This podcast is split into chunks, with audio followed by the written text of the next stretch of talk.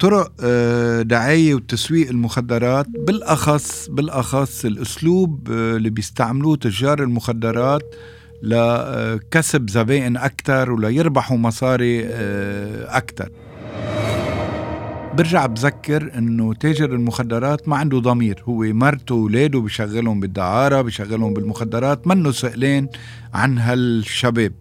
وشو صار يعمل اليوم ليجذب هالشباب؟ بيقول له هو خمس جرامات لإلك يا أيها الطالب. خمس جرامات لإلك ببلاش ما بدي حقهم. خد هيدا الكيس وصله لمحل X في سيارة Z آه واحد اسمه N ناطرك بتعطيه. وأنا هول الخمس جرامات أجارك ما بدي حقهم. بينبسط هيدا تلميذ الجامعة يا هيدا الطالب يا هيدا المراهق إنه هو طلع له خمس جرامات ببلاش. بس أنت لازم تعرف يا حضرة هالشاب إنه أنت التاجر حولك من متعاطي لمروج.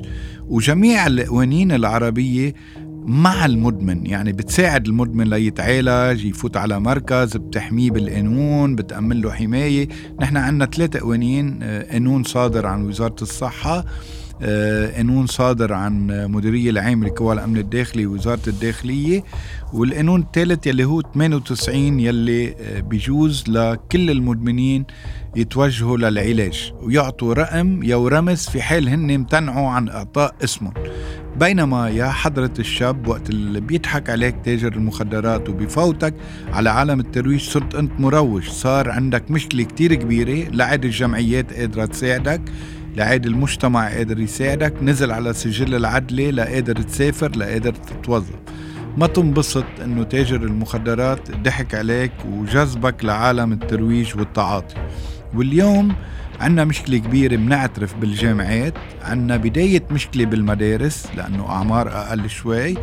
سنة 2000 آخر دراسة انعملت عملها دكتور إيلي كرم مؤسسة إدراك بمستشفى مدير الصحة النفسية بمستشفى الروم مع جمعية جاد مع ال UNODC الأمم المتحدة المخدرات والجريمة. تبين عنا ببعض الأماكن بين 40 و 60% من الطلاب الجامعات جربوا المخدرات.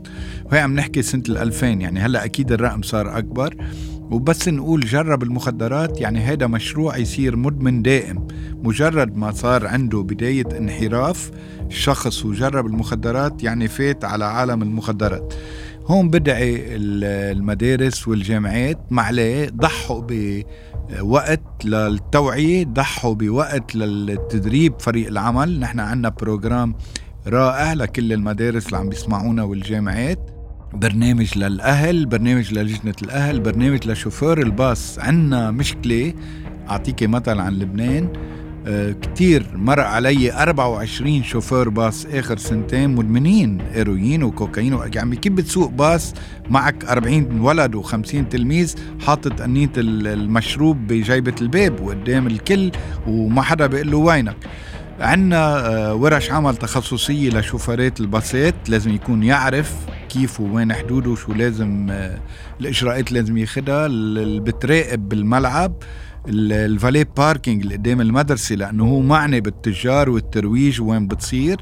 بياع الكعك حاطط بقلب كعكة ماسح الأحذية عم ببيع بعلبة الأحذية. عم نشوف كتير حالات غير إنه بس الأساتذة وقت نقول برنامج المدرسة التسقيف أو التوعية والتدريب للمدارس والجامعات صار لازم يكون ثابت بكل مدرسة وبكل آه، جامعة ما عاد مسموح اولادنا آه، يستهدفون. بالأخص الطلاب مثل ما قلت قبل بحلقة هن اللي حيوقفوا الدول على إجريها هن اللي حيكونوا المنتجين بالمستقبل.